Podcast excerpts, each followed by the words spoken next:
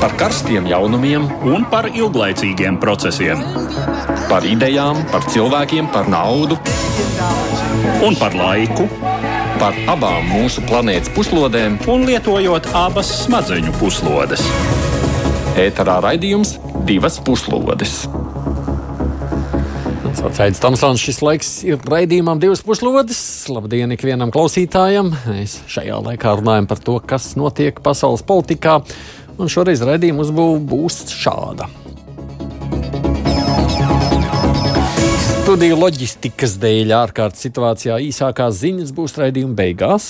Tas nozīmē, ka sāksim mēs vispirms ar tādu izvērstāku analīzi, un šoreiz uzmanības lokā tikai divi plašāki temati. Pēc minūtēm 20 pievērsīsimies Ķīnas un Austrālijas attiecībām. Tas neparasts aspekts, jo parasti šādā griezumā neesam runājuši. Taču tas, kas ir noticis savu valstu savstarpējā pārmetuma retorikā, ir dziļāks analīzes vērti.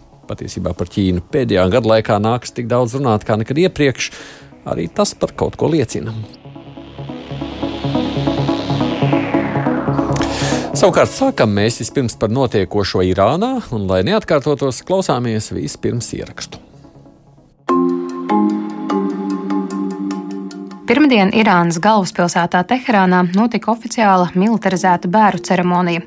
Pēdējā gaitā tika aizvadīts Mohsens Fahrizadē, kodolfiziķis un Islāma revolucionārās gvardes ģenerālis, reizēm dēvēts par Irānas kodolieroču programmas tēvu. Fahrizadē gāja bojā pagājušo piekdienu, kad lodis sacaurumoja viņa automobīla Tehrānas pievārtē. Sākotnēji tika ziņots par vairāku cilvēku uzbrucēju grupu, taču vēlāk Irānas amatpersonas paziņoja, ka atentātā izmantota tālvadības ieroči.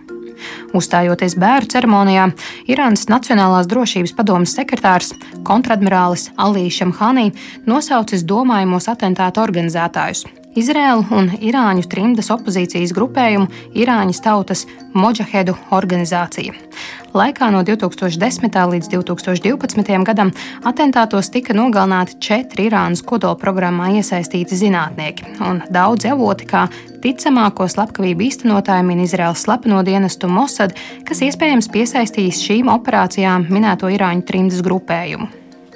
Irāņu tautas Moģehedu organizācija ir kreisa islāmiska grupa, kas radās Irānā pagājušā gadsimta 60. gadu vidū, cīnījās pret toreizējā šaha Rezā Pehlevī režīmu un sākotnēji atbalstīja 1979. gada islāma revolūciju, tomēr kļuva tai naidīga pēc tam, kad no varas tika atstumts organizācijas vadītājs Masuds Radžāvī.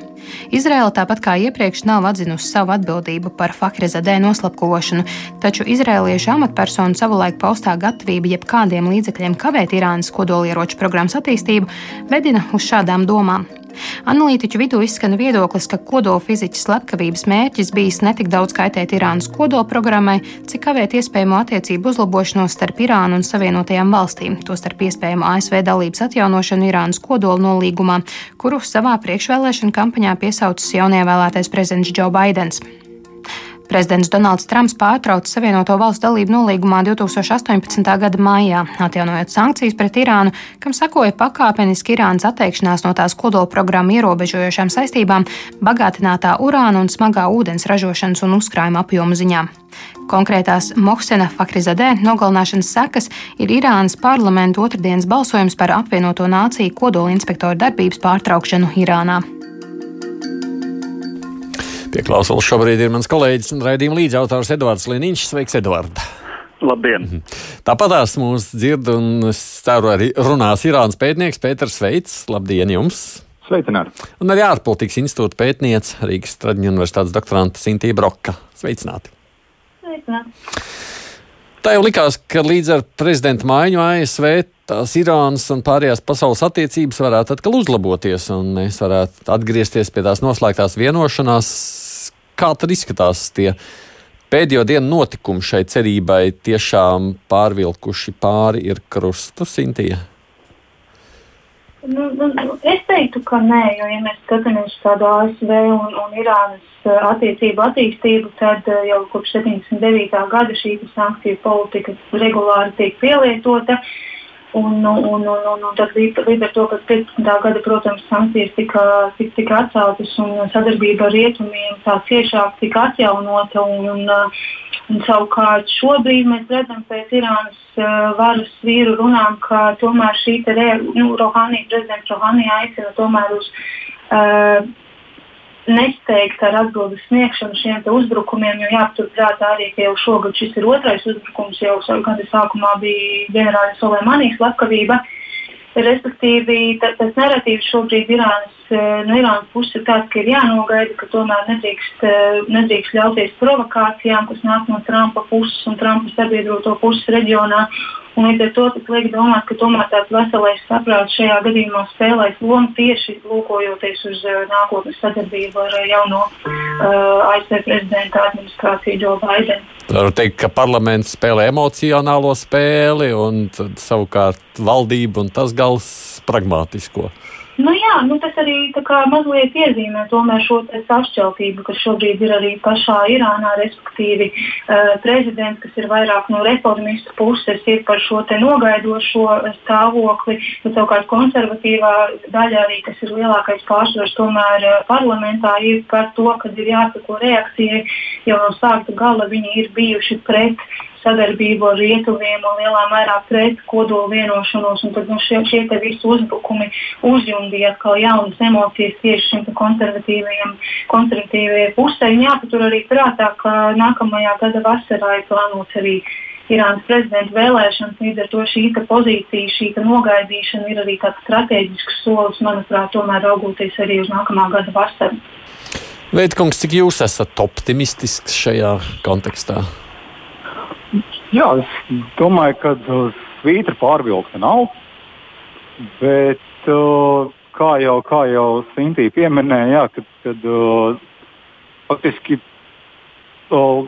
līguma nākotne noteiks, manuprāt, nāk, nākamās vasaras vēlēšanas. Irānā. Šīs jau ir tā kā nedaudz prelūdija. Teiksim, tās reakcijas ir uh, prelūdija uh, priekšvēlēšana kampaņai. Un, tieši tā šis, iezīmē to, ka uh, parlaments, kurš ir vairāk uh, principiālisti, uh, tā teikt, būtībā uh, uh, reliģiski konservatīvais uh, atzars, ka uh, tas ir faktiski tas, kas arī vairāk spiež uz, uz tā, kā jūs teicāt, emocionālu, vairāk spiež uz reakciju, ātru reakciju. Un uh, faktiski parlaments, kurš ir, uh, kuram iepriekšējās parlamentārās vēlēšanās bija principālistu uzvara, ka tās tendences ir, kad uh, arī, arī nākamajās prezidenta vēlēšanās viņiem ir diezgan, nu, šim te, uh, šai te domai ir uh, salīdzinoši liels izredzes. Tāpēc te vai tā būs reakcija vai nē, ātri, pilnīgi noteikti šī ir politiskā cīņa, uh, iekšpolitiska cīņa par to, vai reaģēt ātri un asi, vai tomēr uh, panāks uh, teiksim, tas samierinošās tendences un samierinošās balsis, eh, kas eh, uzvarēs, kas, eh, aicina nogaidīšanu. Tā kā šis, šis noteikti ir iekšpolitisks cīņa, un mēs to, to redzēsim. Mm. Edvards, bet tu jau zini no pieredzes, ka parasti tiem, kas ir radikālāk viedokļi paudēji, savu elektorātu ir vieglāk uzrunāt nekā mērnajiem nogaidītājiem. Jā, nu, Irānas gadījumā tā, protams, ir situācija, kura Eh, mums ir ehm, diezgan grūti eh, aptverama un eh, izprotama. Mēs to vairāk varam izprat, izprast teorētiski, jo šī politiskā sistēma, Islāma republikas politiskā uzbūve, kur šim varas deleģēšanas procesam ir, nu, tā, tā, tas ir tikai viena daļa no politiskā mehānisma. Uh, ir, uh, nu, tas ir pavisam citādi nekā mums ierastajās rietumu demokrātijās. Līdz ar to, protams, uh, Irānas politika mainās atkarībā no tā, vai pie varas Irānā ir radikālāks vai mērenāks prezidents. Taču fundamentāli tā paliek, protams, nu, teiksim, šais islāma revolūcijas tradīcijās. Nu, mēs jau par to esam arī runājuši, ka, protams, uh, kopš šīs revolūcijas ir pagājuši, apmēram, eh, pagājuši vairāk nekā, mm, nu jau vairāk nekā 40 gadi. Eh, un eh, tā paudze, kura šo revolūciju īstenoja, būdami jauni vai spēka gados, pamazām aiziet katrā ziņā no aktīvās dzīves un aktīvās politikas. Um, un varbūt tuvojas brīdis, kad visa Irānas sabiedrība um, mainīsies. Nu, visdrīzāk tā tomēr varētu mainīties uz kādu um, mazāk uh, uh, radikālu, teiksim, rietumu demokrātijai iespējams tuvāku uh, modeli, lai gan nu, tās ir tādas uh, diezgan teorētiskas spekulācijas. Uh, bet, kā zināms, protams, pašā Irānā uh, Uh, ir gana daudz to, kuru, kurus smagi nospiež esošā situācija. Uh, un, uh, pirmkārt, ekonomiski. Uh, un tās neapmierinātības izpausmes arī ir regulāras un visai dramatiskas. Ja? Mēs atceramies to pēdējo sasprindzinājumu momentu, kur uh, šķiet tas bija pagājušajā gadā, ja atmiņa man neviļ, tad uh, nu, tur bija simti bojā gājušo Irānas drošības spēkiem apspiežot šīs demonstrācijas. Tā kā visi šie faktori droši vien uh, liks Irānai. Uh, Tātad nu, no vienas puses nevajadzētu pārlieku pārvērtēt šo retoriku, kas sola tur bez maz vai uh, atriebes aktus Izrēlai mm, un jau sauc pat konkrēti Haifūs, pret kuru būtu jāvērš trieciens. Uh, tātad Izraels ostas pilsēta viena no lielākajām pilsētām Izrēlā. Uh, bet uh, tā ir vairāk tāda krāšņa un austrumiem raksturīga uh, izteiksme, uh, bet tā faktiskā politika, acīm redzot, tomēr rēķinās ar Irānas konkrētajām iespējām. Uh, un to, ka arī Irānai tādu ļoti drošu sabiedroto šai pasaulē šobrīd nav. Bet, kungs, jūs prāt, kas tad nogalināja to fiziku un kāpēc tieši tagad? Neņemšos spriest. Jā. Man, man, man jāatzīst, ka šī ziņā tas man pat liekas ir mazsvarīgākais jautājums. Tas, protams, ir. Jā, tas, tas, nu, tas, ir, tas ir izprovocējis. Jā, nu, tas, ir, tas, ir, tas, protams, ir uzbrukums pa aizsardzības sektoru. Un, un, uh, bet, uh, Es domāju, ka šeit uh, jāpiekrīt tiem analītiķiem, kas saka, ka, jā, ka tas, ko jūs arī ievadā minējāt, ka teiksim, kodola izpētes aizkavēšanā šim lomam ir maz. Tā kā, tā kā tur, lai, lai vai kādi tie iemesli varētu būt, ja, tad, tad tie nezinu, vai ir uh, teiksim, aizkavēt kodola izpēti. Jo nu, tieši otrādi viņi visticamāk, kā jau jūs minējāt, jā, tas jaunais likumprojekts ir, kad palielinām līdz 20% urāna bagātināšanu un tā tālāk. Tā kā, tā kā tas nezvai būs šķērslis. Man, uh, drīzāk, jā, ko es, ko es mēs gribēju pieķerties pie tiem, respektīvi, jā, par, par uh, varbūt tieši tā, ka tie Irānas iekšpolitiskie procesi nu pat jau ir pietiekoši sami, uh, jau samezgloti. Jo, ja, ja tieši tā, ja kādu laiku, kā jau minējāt, tiksim, Irāņiem, cik, cik, cik man tas iespējas bija radies, no arī ir liela antipātija pret uh, kopš 79. gada revolūcijas ir liela antipātija pret uh, jebkādām nu, pret, teikt, re, revolucionārām aktivitātēm. Jo pat tiem, kas varbūt nepiekrīt, kas jūtas apspiesti, ja komentāri dzirdēt, jā, bet nu, kas mums iepriekšējā sanāca? Nemaz tik labi nesanāca. Varbūt labāk šo ceļu nemēģināt. Bet tieši tā, kā jau uh, kā tika minēts, ka šī paudze mainās.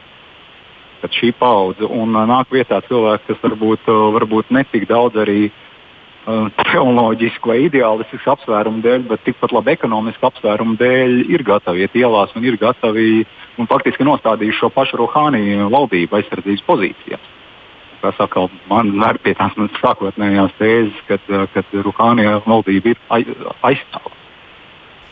Jā. Jā. Jā. Nu, diezgan noteikti gan var teikt, ka uh, šis nav Irānā, Irānas iekšienē uh, tapis uh, uzbrukuma plāns. Tātad šī kodola fizika nogalināšana tā nav kādu iekšēju, es tā domāju, iekšēju Irānas uh, varas pretstāves procesu rezultāts. Tas tomēr ir kādu ārēju spēku gājiens diezgan noteikti. Ļoti iespējams. Jā, Ticamāk. nu, jā, bet, tā ir. Jā, bet jā, ja tas ir tāds ārējo spēku gājiens šajā situācijā, mēs runājam par iekšpolitisko šo spriedzi, tās versijas, jautāšu droši vien tāds Intijai, tās versijas, ka tā ir īstenībā provokācija, nu, lūk, tīri politiski, iekšpolitiska provokācija, lai arī no ārpuses varbūt nāk uz tām ir kāds, nu, ticams pamatojums. nu, tās provokācijas viņas var būt dažādas. Nu, ir skaidrs, ka uzbrukums ir noticis, un, un, un, un ir lielā mērā skaidrs, ka tomēr Izraels puse ir bijusi iesaistīta. Būtu visai naivi domāt, ka Izraela šādu uzbrukumu realizētu bez ASV atbalsta. Līdz ar to tas tomēr liek domāt, ka, ir, ka tā ir daļa no ASV kopējās spiediena politikas pret Irānu, ka arī ņemot vērā pēdējos ASV centienus apvienot Izraelu un apvienotas Arābu Emirātus un Bahreinu šajā jaunajā tuvo austrumu miera paktā, jā, tas, tas ir sanācis. Nu, man gribētu domāt, ka tomēr šīs iesaistītās puses ASV sabiedrotie reģionā Uh, tie, kas sākuši ir tuvināties ar Izraēlu, nu, tomēr ir lietas kursā par to, kas notiek, jo galu galā Irāna ir uh, kopīgs ienaidnieks gan, uh, gan Arābu sabiedrotiem, gan arī Izrēlai. Nu, tāpēc nu, man kaut kā tomēr ir vairāk lietos uz to, ka tā, tā ir bijusi tāda ko, koalīcijas sadarbība šādu uzbrukumu organizēšanā, jo atkal, kā jau es minēju, Uh, uzbrukums jau šī gada sākumā bija pret, pret ģenerāli Soleimani, ko veica Amerikas Savienotās valsts. Līdz ar to šī taktika tas nav nekas jauns. Bet savukārt paturpinot par varbūt atkal atgriežoties uz tādu uh, starptautisko, mm, starptautiskā līmeņa plāksni par šo Trumpa spiedienu politiku, nu, mēs redzam, ka uh, pēdējās sankcijas ir ārkārtīgi, ārkārtīgi tieši vērstas tieši uz enerģētikas sektoru Irānā. Un, uh, ne tikai spiediena politika ir attiecībā uz Eiropas Savienības uh, vēlmi šo vienošanos, kodola vienošanos saglabāt. Ja mēs atceramies, pirms kāda laika mēs arī ar jums runājām, ka tomēr Eiropas Savienība cenšas uh, šo jaunos mehānismus ieviest. Uh, finanšu plūsmas, elektronisko maksājumu sistēmas, lai šo, šīs attiecības ar Irānu noturētu.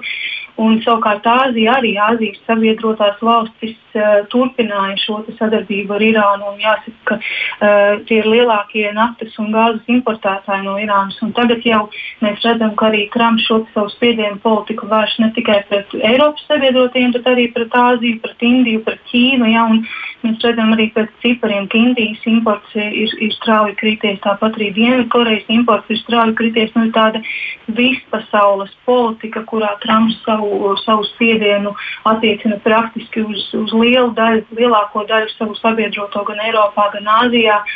Tādējādi sodot Irānu, tādējādi sodot Irānu ne tikai par potenciālām kodolprogrammas pārkāpumiem, bet vispār sodot par terorismu atbalstīšanu, sodot par uh, reģionālo aktivitāti kopumā. Ja tas ir tāds, nu, manā uztverē ļoti liels liela kampaņa vērsta pret Irānu ne tikai, kā jau minēju, kodolprogrammas kontekstā, bet vispār Irānas aktivitāšu kontekstā reģionā. Bet tajā klausoties, ir tāda sajūta, nu, tas ir tāds Trumpa sveiciens ar domu, ja nāk Baidens, lai viņam tik vienkārši nebūtu.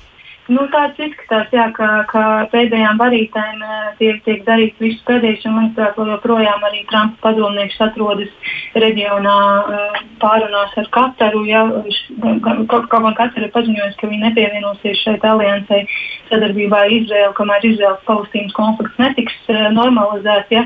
Tātad šī sadarbības notiek, dinamika notiek visu laiku, un, un arī atgriežoties pēc šīs, šīs domas par to, ka tiek šis eksports ierobežots Irānai. Ja? Decembra beigās, ja nemaldos, notika OPEC samits, kurā Saudārābija paziņoja, ka OPEC valstis ir gatavas šo robu Irānas radīto eksporta lomu aizpildīt. Un kurš tad būs tas, kas šo robu aizpildīs? Nu, protams, vispirms tā būs Saudārābija. Ja? Tās ir Saudārābijas intereses veicināt eksportu un ieņemt potenciāli arī šos tirgus, kuros Irāna rada uh, naftas gāzes iztrūkumu. Bet, kungs, kā jums šķiet, nu, tad, ko mēs varētu sagaidīt no Baidena uh, tālākās politikas, ņemot vērā šo atvadu sveicienu no Trumpa? Ne, Baidena principā iespējas ir, ir stipri ierobežotas, manuprāt, jo, jo tas, tas, protams, būs arī atkarīgs no Irānas reakcijas. To es bišķi vēlāk pakomentēšu. Bet arī tas, kad, uh, kad, jā, kad ir diezgan maz izredzes, kad, kad uh, nākamais ASV prezidents var paļauties uz kongresa atbalstu šajā jautājumā. Teiksim, šajā, pat, pat, pat spīti tam, ka viņš savā, savā, savā komandā ir uh, iesaistījis uh, vairāk cilvēku, kas bija tieši, ies, tieši bija, ir, uh, strādājuši pie, pie šī te, līguma, līguma izstrādes. Bet, bet tieši tā, šis atvads sveiciens vai neatvads sveiciens, sauksim to kā gribam, bet tas, tas noteikti stiprinās uh, pa sākumā gribēju teikt, konservatīvos Irānā. Un šeit jau tas nav tikai, arī kā iepriekš tika minēts, tas nav tikai parlaments vai prezidents, kuram, kuram faktiski arī šī prezidenta vēlēšanās, vēlēšanas, kurās nu, visticamāk, ja sāsinās šī retorika, tad konservatīviem ir lielāka, liel, respektīvi ne konservatīviem, bet principālistiem ir lielāks izredzes, jo, kā jau iepriekšējās vēlēšanās pierādījās, tad faktiski reformisti vēlētāji nemaz uz vēlēšanām neiet. Un, bet, bet arī tas, ka tas jau gan ir kļuvis par tā teikt, bezmaz banālu tēzi pirms katrām Irānas vēlēšanām, ka tieši tā, šeit visu varu nosaka, nosaka tā, tas reliģiskais līderis Hamenī. Un viņš vairs gados nav jauns. Un pirms katrām vēlēšanām ir tiek minēts, ka jā, vai tad nākamais parlamenta sasaukums, vai tad nākamais prezidents būs tie, kas, kas uh, būs pie varas šī līderu nomaiņas procesā. Un tas jau lūk, ietekmē attīstību uz ilgu, ilgtermiņu. Tātad tieši tā, gan reģionā, kā jau tika minēts, gan arī varbūt citur, uh, ja faktiski, jo Irāna ir konservatīvāk un jo radikālāk, jo tas principā atbalsta šo tēzi, ka Irāna ir ienaidnieks, viņu vajag izolēt. Nu, kas nozīmē, ka Baidena nākšana pie varas Amerikā nebūs vismaz Irānas kontekstā tik liela politikas pārmaiņu, nemaz mums varētu nesolīt, kā varbūt dažās citās jomās. Nu, tā varētu gadīties. Es gan gribu būt optimistisks. Jā, nu es arī gribētu būt piesardzīgi optimistisks, lai gan uh, Es domāju, ka tāda ātra atgriešanās atpakaļ pie situācijas, kāda tā bija mm, Trumpam nākot pie varas, tātad pie šīs kodola vienošanās, kā tā darbojās, kad tika noslēgta, tas nenotiks ļoti ātri un vienkārši. Un te es domāju, ir divi faktori. Vienkārši šī vienošanās esošo procesu rezultātā ir daļēji mm, nu, teiksim, pajukusi, jo uh, Eh, arī Eiropas valstis mm, pēc tam, kad Irāna sāka atkāpties no savām saistībām, pamatojot to ar to, ka Savienotās valstis ir izstājušās un līdz ar to šī vienošanās vairs nedarbojas. Eh, nu, šobrīd šī vienošanās ir eh, tādā pussabrukuma stadijā, lietojot kodola kodola sintēzes terminus. Respektīvi, arī Eiropas valstis ir tuvu tam, ka sākt teiksim, pārbaudes procedūras par uh, Irānas uh, saistību ievērošanu, respektīvi šī, šīs vienošanās darbības pārskatīšanu. Uh, tas ir viens, un otrs, uh, Baidenam ir jārēķinās tomēr ar to, ka uh, Trumpa atbalstītāji un Republikāņu partijas atbalstītāji Amerikā ir apmēram puse, tāpat kā Demokrātu partijas atbalstītāji. Uh, un uh, jārēķinās ar to, kāda varētu būt amerikāņu sabiedrības reakcija un vai šis nekļūs par trumpi prezidenta Trumpa vai cita viņam līdzīga demokrāta kandidāta rokās nākamajās prezidenta vēlēšanās. Tātad pārāk piekāpīga pretim nākoša attieksme pret Irānu. Mm. Nu jā, mums te, es tikai nolasīšu, bet vairāk arī nekomentēsim. Upīts klausītājs mums saka, nu kā nogalināts ir fiziķis Irānā. Jūs te sakāt, mazsvarīgi. Galu galā, beig, beigās, kā tad ir to rietumu demokrātijas loma un vērtējumu, tad akceptējam nevēlamu personu fizisku iznīcināšanu. Tas, protams, ir tāds komentārs. Nu, neviena, neviena rietumu demokrātijas valdība, Eiropas valdība nav akceptējusi. nu jā, vārdos vai ne, realitātē, protams, tur nogalināts viņš. Nu, ar Izraēlu ir, ir, tas ir interesants un, un ilgs stāsts. Bet, Jā, bet... Uh, neaizmirsīsim, cik apdraudēta ir Izraela savas geogrāfiskā stāvokļa un nelielās teritorijas dēļ. Leons savukārt raksta, ka Baidena komandai daudz Obama kabineta līdzstrādnieku, viņš tāpēc ir optimistiskāks, ka tā situācija ar Irānu varētu būt ātrāk pārmaiņas nekā ar Ķīnu. Un tā kā mēs par Ķīnu tūlīt runāsim, es jums saku paldies diviem. Uh, maniem šīs sarunas dalībniekiem Irānas pētnieks Pēters Veits. Paldies jums par iesaistīšanos. Un arī Labu. vēl ārpolitikas institūta pētniece Rīgas Taņu universitātes doktorants Sintīna Broka. Paldies. mēs turpinām ar nākamo tēmu. Tātad Ķīna un Austrālija, bet ne tikai. Sākam ar tādu faktu apkopojumu. Viena Twitter publikācija kļuvusi par iemeslu jaunam sāsinājumam Ķīnas un Austrālijas attiecībām, kas tikai akcentē šo attiecību spriedzi pēdējo gadu laikā. Pirmdien Ķīnas Tautas Republikas ārlietu ministrijas informācijas departamenta direktora vietnieks Džo Licians savā kontā publicēja atsauksmi par Austrālijas valdības veikto izmeklēšanu, kas atklājusi, ka austrāliešu speciālo vienību karēvi varētu būt vainojami 39 civiliedzīvotāju slepkavībās militāro operāciju laikā Afganistānā. Ķīnas amatpersonas publikācija ilustrēta ar montētu fotoattēlu, kurā redzams austrāliešu karavīrs, kurš tur nāzi pie rīklas kādam bērnam un uzraksts: Nebaidieties, mēs nākam nest tev mieru. Tieši fotoattēls izraisīs Austrālijas valdības sašutumu. Premjerministram Skotam Morisonam pieprasot Ķīnas ārlietu dienesta atvainošanos un tūlītēju publikācijas dzēšanu. Uz to Ķīna, tās ārlietu ministrijas informācijas departamenta direktores Huaču Niņas personā reaģējusi paziņojot, ka atvainoties nav iemeslu un tas esot Austrālijas mēģinājums novērst uzmanību no tās militāru personu nodarījumiem Afganistānā. Spriedze Pekinas un Kamberas attiecībās pieaugusi pēdējo gadu laikā, un jo sevišķi šogad, kad Austrālija aicinājusi nopietni izmeklēt koronavīrus pandēmijas rašanās apstākļus, ko Ķīna uztvērusi kā sev nedraudzīgu nostāju. Tāpat Austrālija iebilst Austrālijas lauksaimniecības produktu importu ierobežojošiem pasākumiem no Pekinas puses, par ko iespējams vērsīsies Pasaules tirdzniecības organizācijā. Ķīnai savukārt ir pretenzijas pret Austrālijas investīciju politiku, kas kavē Ķīnas ieguldījumus atsevišķās strateģiski nozīmīgās Austrālijas ekonomikas nozarēs. Vēl nopietnāks un ilglaicīgāks Ķīnas nepatiks iemesls ir Austrālijas amatpersonu pastāvīgi aizrādījumi par cilvēktiesību pārkāpumiem Ķīnas Tautas Republikā un tai pakļautajā Hongkongas autonomijā autonomijā, ko Pekina uzskata par iejaukšanos tās iekšējās lietās.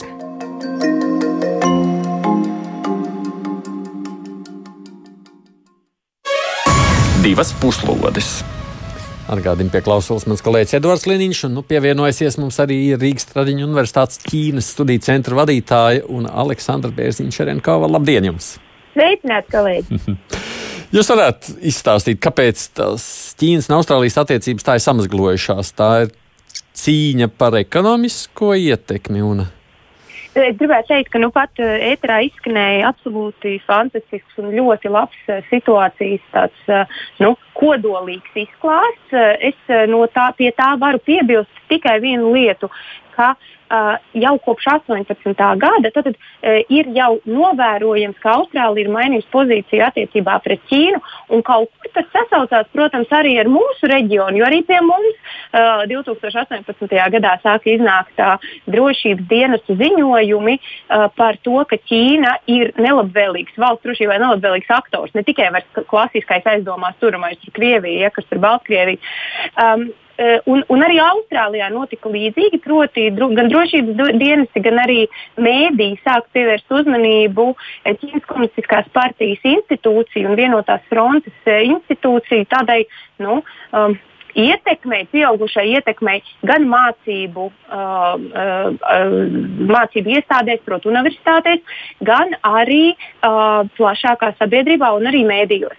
Um, jāsaka, uh, ka Ķīna, protams, uzreiz uh, reaģēja, ka šis ir liels pārspīlējums. Un, uh, protams, šai mm, trauksmes celšanai mm, pamats ir. Tāpat laikā tā izraisīja arī, tad viņai ir viens glītais vaigs, ja, kurš ir valsts drošības uh, suverenitātes sargāšana, tad tā ir arī neglītais vaigs, kas pagriezās pret milzīgo Austrālijā dzīvošo ķīniešu diasporu, kuri, starp citu, lielākoties pat nav tādi diasporas locekļi vai aktīvi diaspori, kur patiesībā ir austrālieši, kuriem tikai uz sejas ir rakstīts, ka viņi ir kaut kādā mērā ķīmijas saistīti. Un viņu savas izjūtas šī, šo um, valstu attiecību uh, pasliktināšanos. Tātad, tas, ir, tas ir tas, ko es varu piebilst pie nu, pat izskanējušās analīzes.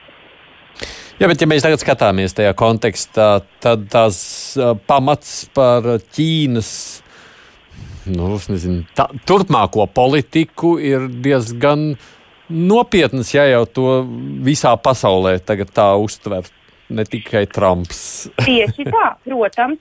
Uh, un uh, galu galā uh, Ķīna tiešām uh, absolūti izmanto savas ekonomiskos, ekonomiskos spiedienu iespēju attiecībā uz Austrāliju.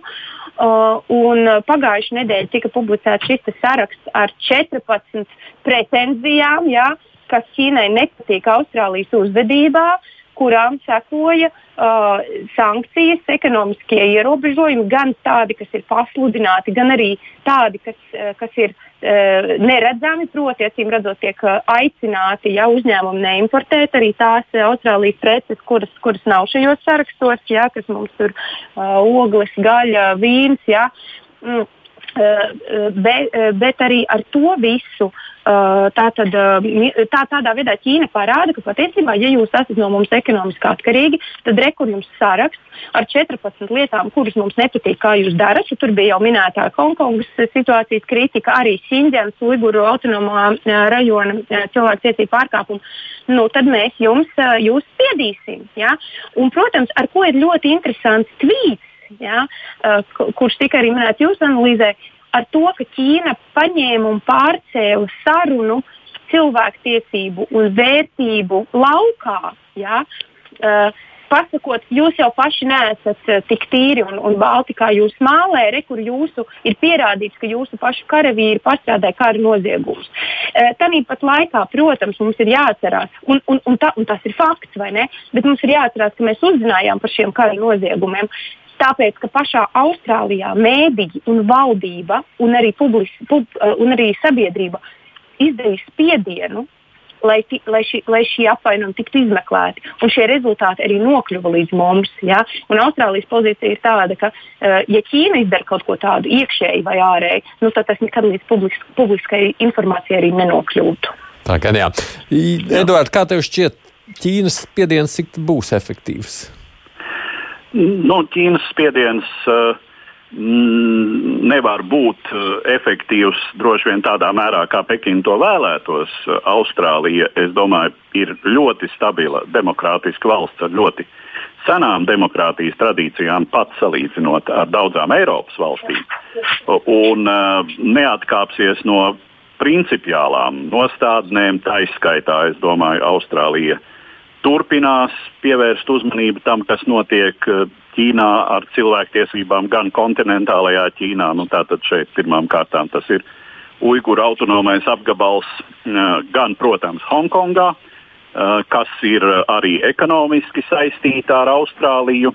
Un, starp citu, ir iespēja, ka ja nu īstenotos kāds negatīvais scenārijs un uh, sāktos emigrācija no Hongkongas, um, tad tas uh, viens no acīm redzamiem uh, šīs emigrācijas ceļiem būtu tieši uz Austrāliju. Um, un uh, jāsaka, Austrālija te arī ir jāsaprot, ka Austrālija jau vēsturiski ir vienmēr jutusies mazliet apdraudēta no saviem tuvākiem un tālākiem Dienvidu Austrumāzijas kaimiņiem. Proti, Austrālija ir liela valsts, kā mēs zinām, teritoriāli liela, taču samērā maz apdzīvota ar nelielu iedzīvotāju skaitu - 25, nu, nu jau laikam drusku vairāk, ja? bet nu, tātad tie nav pat 30 miljoni iedzīvotāji. E, iepretim e, Ķīnas, kā zināms, e, vairāk nekā šie šobrīd ir miljards 400 miljoni. Ja?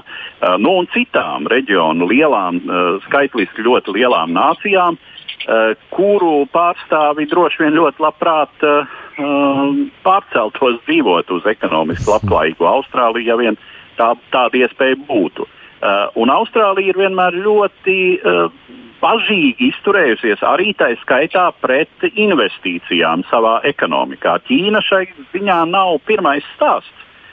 Pirmais stāsts bija Japāna, kas intensīvi uh, savas ekonomikas uh, augšupējas periodā investēja Austrālijā, un tas bija pagājušā gadsimta 80. gados, uh, kad bija satraukums Austrālijā par to, ka Japāņi uh, pārlieku aktīvi iepērk un iegulda Austrālijas ekonomikā. Vēl, protams, ir jāpiemina, ka Austrālija ir resursiem bagāta, izrakteņiem bagāta valsts, respektīvi kontinents, kur tātad tām nācijām, kurām šo resursu ir salīdzinoši maz uz lielu iedzīvotāju skaitu, un tādas ir gan Japāna, gan Ķīna, ir pastiprināta interese. Bet, protams, ka Japāna, kas tomēr ir demokrātiska valsts un par kuru īpaši nevienam nav šaubu, ka tā arī nākotnē paliks demokrātiska valsts, ir kaut kas viens. Tad Ķīnas sakarā šīs bažas uh, ir pamatoti krietni lielākas, jo uh, tā ir totalitāra valsts ar attiecīgiem uh, politikas, uh, ar attiecīgiem politikas īstenošanas paņēmieniem, uh, kur bažām ir daudz lielāks pamats. Tā mēs varam, tā kā, bet mēs varam uh, prognozēt, ka šī spriedze nekur nezudīs un tikai turpinās pastāvēt. Nu, droši, droši vien, ka uh, šī spriedze varētu, teiksim, mazināties vispārējā globālā konteksta ietvaros. No Austrālijas citas starpā ir arī uh, viens no Amerikas Savienoto Valstu partneriem un uh, ciešākajiem sabiedrotajiem šajā reģionā. Uh, un, teiksim, ja mazināsies vispārējā spriedze Ķīnas un Rietumu attiecībās, tad uh,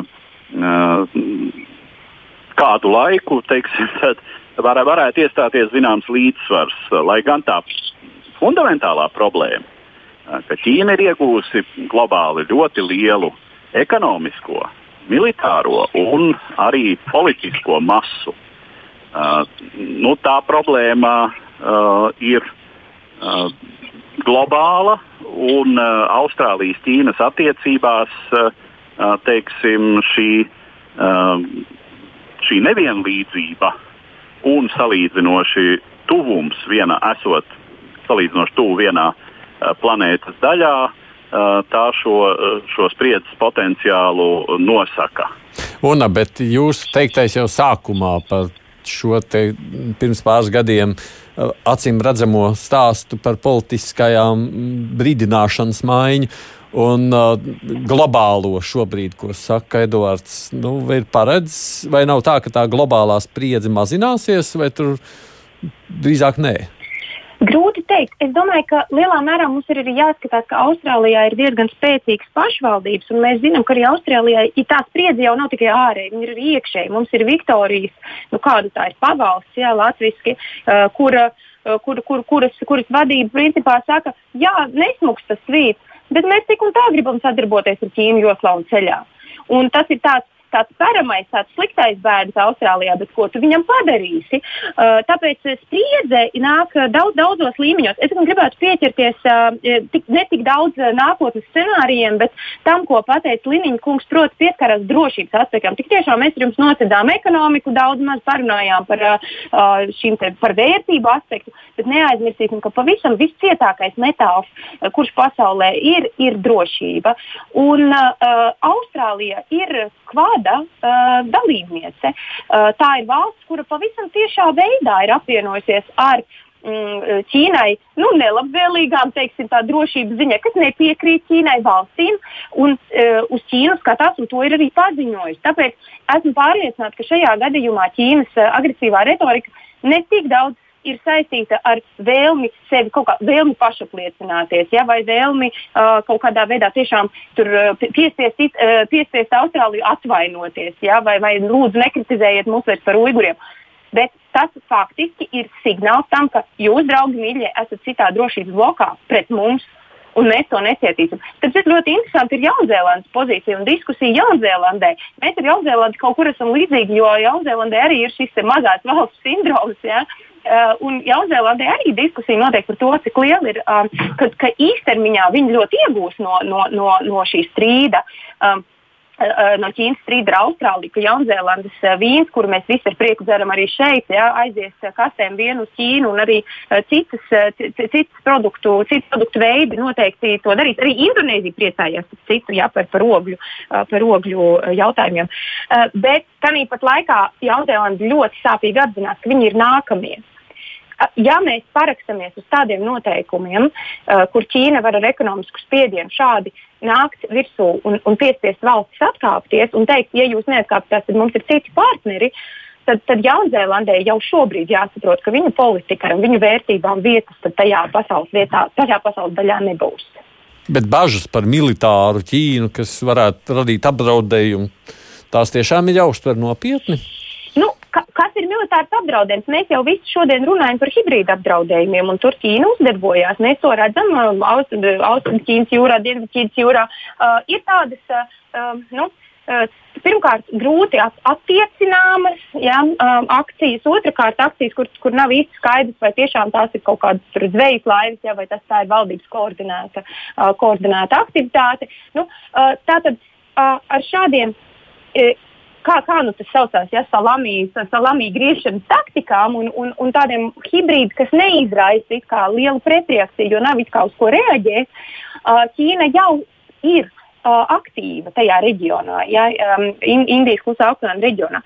Tāpat laikā Ķīnas retorika, protams, ir tāda, ka, ka viņi kā, kā lielvalsts nevar atļauties nu, ap sevi šādu buferu nebūvēt un sevi neaizstāvēt. Jo, protams, ja mēs skatāmies iekšējo, uh, kā jau jūs zinat, Ķīnas medijos, um, man patīk uh, ieiet un skatīties, kā tas tiek pasniegts iekšēji. Mm, tad iekšēji šeit ir runa par to, ka visi mums uzbruk un mums vienkārši jāizstāvas. Mēs šo retoriku labi zinām, tā ir nacionālistiska retorika.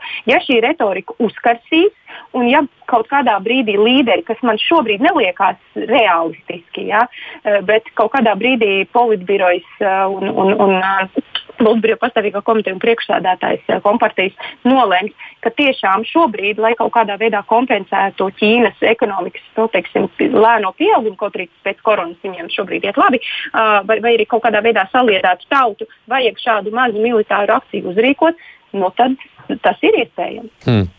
Ja mēs skatāmies vispār par Ķīnas un pārējās pasaules attiecībām, nu, lūk, Trumps, ASV, tur mēs zinām, kas notika Eiropā, arī paudus ir skepsi par Ķīnu un liela, lielāka piesardzība. Eduards, tavo prātā tas globālais kaut kāds. Uh, Nezinu, draudzēšanās vai pretstāvēšana drīzāk varētu mainīties. Viens Baidens jau tur taču neko būtiski nemainīs. Nu, šajā gadījumā pārmaiņas, ja mēs runājam, mēs runājām par iespējamām pārmaiņām attieksmē pret Irānu, uh, tur šīs pārmaiņas varētu būt būtiskākas. Es nedomāju, ka Baidens uh, ļoti radikāli mainīs to, ko Trumps ir iesācis attieksmē pret Ķīnu, jo šajā gadījumā jāsaka, tur nu Trumpa politikā bija zināma loģika. Uh, un uh, tie mm, faktiskie iemesli ir, uh, nu, teiksim, tiem, tiem ir, tiem ir svars. Tie tās nav mm, prezidenta Trumpa kaprīzes vai viņa um, vēlēšanās sevi kaut kā pozicionēt politiski, iekšpolitiski. Uh, un, uh, nu, no vienas puses, protams, teiksim, priekšstats par to, ka Ķīna runājot par kādu militāru mm, um, draudu, par drošības jautājumiem, ka Ķīna varētu īstenot nu, teiksim, tā, ja, tādu Čingishana karagājienu uh, viduslaiku kategorijās runājot, jā, teiksim, pakļaut sev kādas nozīmīgas, plašas teritorijas, uzbrukt, nu, piemēram, Indijai, vai mēģināt uh, uh, atņemt Krievijai Sibīriju vai kaut vai kādas teritorijas tālajos austrumos. Uh, tas uh, nav reāli. Uh, es domāju, ka pat Ķīnas uh, mēģinājums uh, ar spēku pievienot sev Taivānu, arī tas uh, nav īsti Eh, kādas eh, nopietnas eh, perspektīvas jautājums. Tas, ko Ķīna, tas, ko Ķīna nu, mēs jau daudzkārt esam runājuši par Hongkongu. Un es varu pilnīgi piekrist tam, ko kolēģi saka, ka tie apdraudējumi ir drīzāk hibrīda apdraudējumi. Un te nu gan, jāsaka, Ķīna var mēģināt un iespējams pat diezgan sekmīgi ar savu ekonomisko ietekmi, ar savu uh, eksportu. Uh, teiksim, nu man šobrīd rokās, es ar tevi sarunājos par Ķīnā ražotu mobilo telefonu, uh, kas ir lētāks nekā teiksim, Dienvidkorejā uh, vai jebkur citur ražoti analogi uh, un uh, darbojas nesliktāk. Uh, un, uh, ir jāsaprot, ka ļoti daudziem šādi uh, it kā sadzīviski sīkumi, eh, tas, kas ir rakstīts uz preces, kuru tu dien, dienā lieto, eh, ir diezgan nozīmīgs arguments. Arguments tam, ka var būt tomēr eh, tā sistēma, pieeja, politika un kārtība, kāda valda Ķīnā, proti, totalitāra vienpartijas diktatūra, nav nemaz tik slikta lieta, ja jau tur var ražot uh, tādas lietas. Klausies, Edvards, bet man jāpārtrauc, jo mums ir jābeidz. Mums ir Jā. vēl pāris ziņas jaunās, jaunuma īsumā, tāpēc es saku paldies Edvardam un arī Una Aleksandra Bēziņš-Čerenko, kas ir Rīgstaņu universitātes Ķīnas studiju centra vadītāji. Paldies jums par šo dalīšanos, kas liecina, mēs jau par Ķīnu, protams, tikai vien vairāk runāsim, bet tā tad raidījuma noslēgumā vēl citas ziņas. ASV prezidents Donalds Trumps būtu uzvarējis prezidenta vēlēšanās pirms mēneša ar lielu balsu pārsvaru, ja būtu publiski izrādījis empātiju saistībā ar jaunā koronavīrusa pandēmiju. Tā otrdien paziņoja bijušais Trumpa kampaņas vadītājs Brets Pārskēls. Es domāju, ka mums bija vajadzīga publiska empātija. Es domāju, ka cilvēki bija nobijušies. Pārskēls sacīja intervijā telekanālam Fox News, kas bija viņa pirmā intervija kopš šīm vēlēšanām. Viņš nosauca par politikas kļūdu Trumpa centienus panākt lielāku ekonomikas atkal atvēršanu laikā, kad amerikāņi bija nobijušies un nedroši. Citādi pārskēlis turpināja paust atbalstu Trumpam. Tikmēr Trumpa centieni apstrīdēt vēlēšanu rezultātus piedzīvo ar vien jaunas fiasko. ASV ģenerālprokurors Bills Bārs otrdien noraidīja apsūdzības par krāpšanos. Līdz šim mēs neesam redzējuši krāpšanos tādā mērogā, ka tā varētu mainīt vēlēšanu iznākumu. Tā intervijā ziņā aģentūrai Associated Press sacīja Bārs. Bāra izteikumi ir apstiprinājuši arī iekšzemes drošības ministrijas, ASV izlūkdienas un citus slēdzienus, ka šī gada prezidenta vēlēšanas ir bijušas godīgas un taisnīgas. Pēc gandrīz gada dīkstāvis tuvākajās dienās paredzēts atsākt gāzes vada Nord Stream 2 būvniecību. Šī ir slikta ziņa daudzām Austrumēropas valstīm, kas zināmā mērā ir pateicīgas līdzinējam ASV prezidentam Donaldam Trumpam par viņa strikto nostāju gāzes vada sakarā. Polija ir paudusi cerību, ka ievēlētais prezidents Joe Bidenis turpinās Trumpa nostāju. Tomēr vai tā būs, tas nav zināms. Nord Stream 2 būvniecība, kas pa Baltijas jūras gultni savienos Krieviju un Vāciju, ir izraisījusi bažas, ka varētu pieaugt Rietumē Eiropas valstu atkarība no Krievijas gāzes un ka Maskava spēs palielināt spiedienu uz Ukrajinu, jo Eiropa tagad būs mazāk atkarīga no gāzes tranzīta piegādēm caur Ukrajinu. Gāzes vadu būvniecība ir gandrīz pabeigta, bet 2019. gada decembrī darbi pēkšņi apstājās, kad ASV noteica sankcijas cauruļu vadu likšanas kuģiem. Līdz ar to aizkavējās pēdējā posma pabeigšana. Oktobrī ASV paplašināja sankcijas, piemērojot tos arī kompānijām, kas sniedz pakalpojumus būvs vai finansējumu iekārtu modernizēšanai vai uzstādīšanai uz kuģiem. Tāpat sankcijas tiks piemērotas arī apdrošinātājiem un certifikācijas uzņēmumiem, kas strādā pie Nord Stream 2 projekta. Mēs to varētu salīdzināt ar Latvijas oligārhu lietu. Slovākijas policija otrdien ir aizturējusi Jaroslavu Haščāku, vienu no bagātākajiem un ietekmīgākajiem cilvēkiem valstī. Pats aizturētais sacīs, ka nezina, par ko viņa apsūdz. Ziņu vietne aktuālitāte atsaucoties uz izmeklēšanā iesaistītu avotu vēst, ka ir pierādījumi par hašķāku iesaisti darījumā, kas slēgts, lai slēptu lietišķos pierādījumus.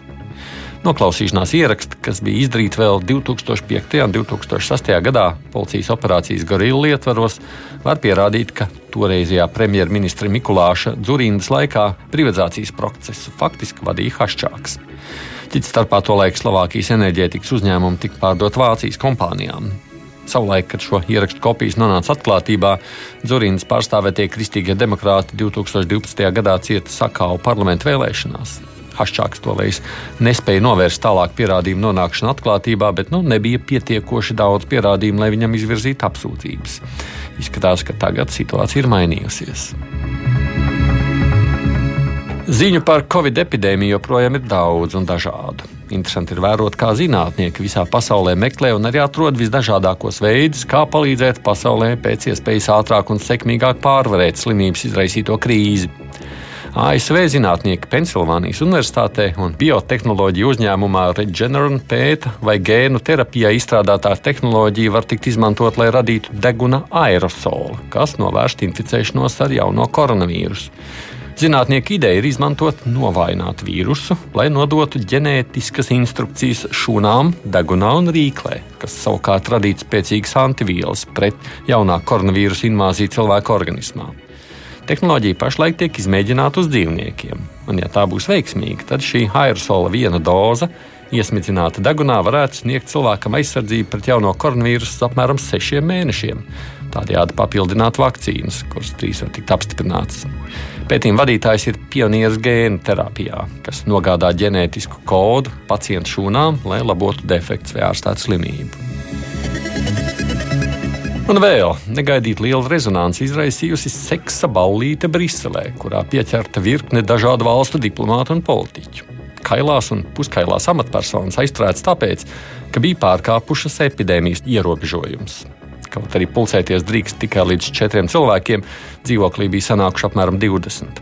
Kaimiņi sūdzējušies par skaļo troksni, un policija ieradusies pārbaudīt, kas notiek.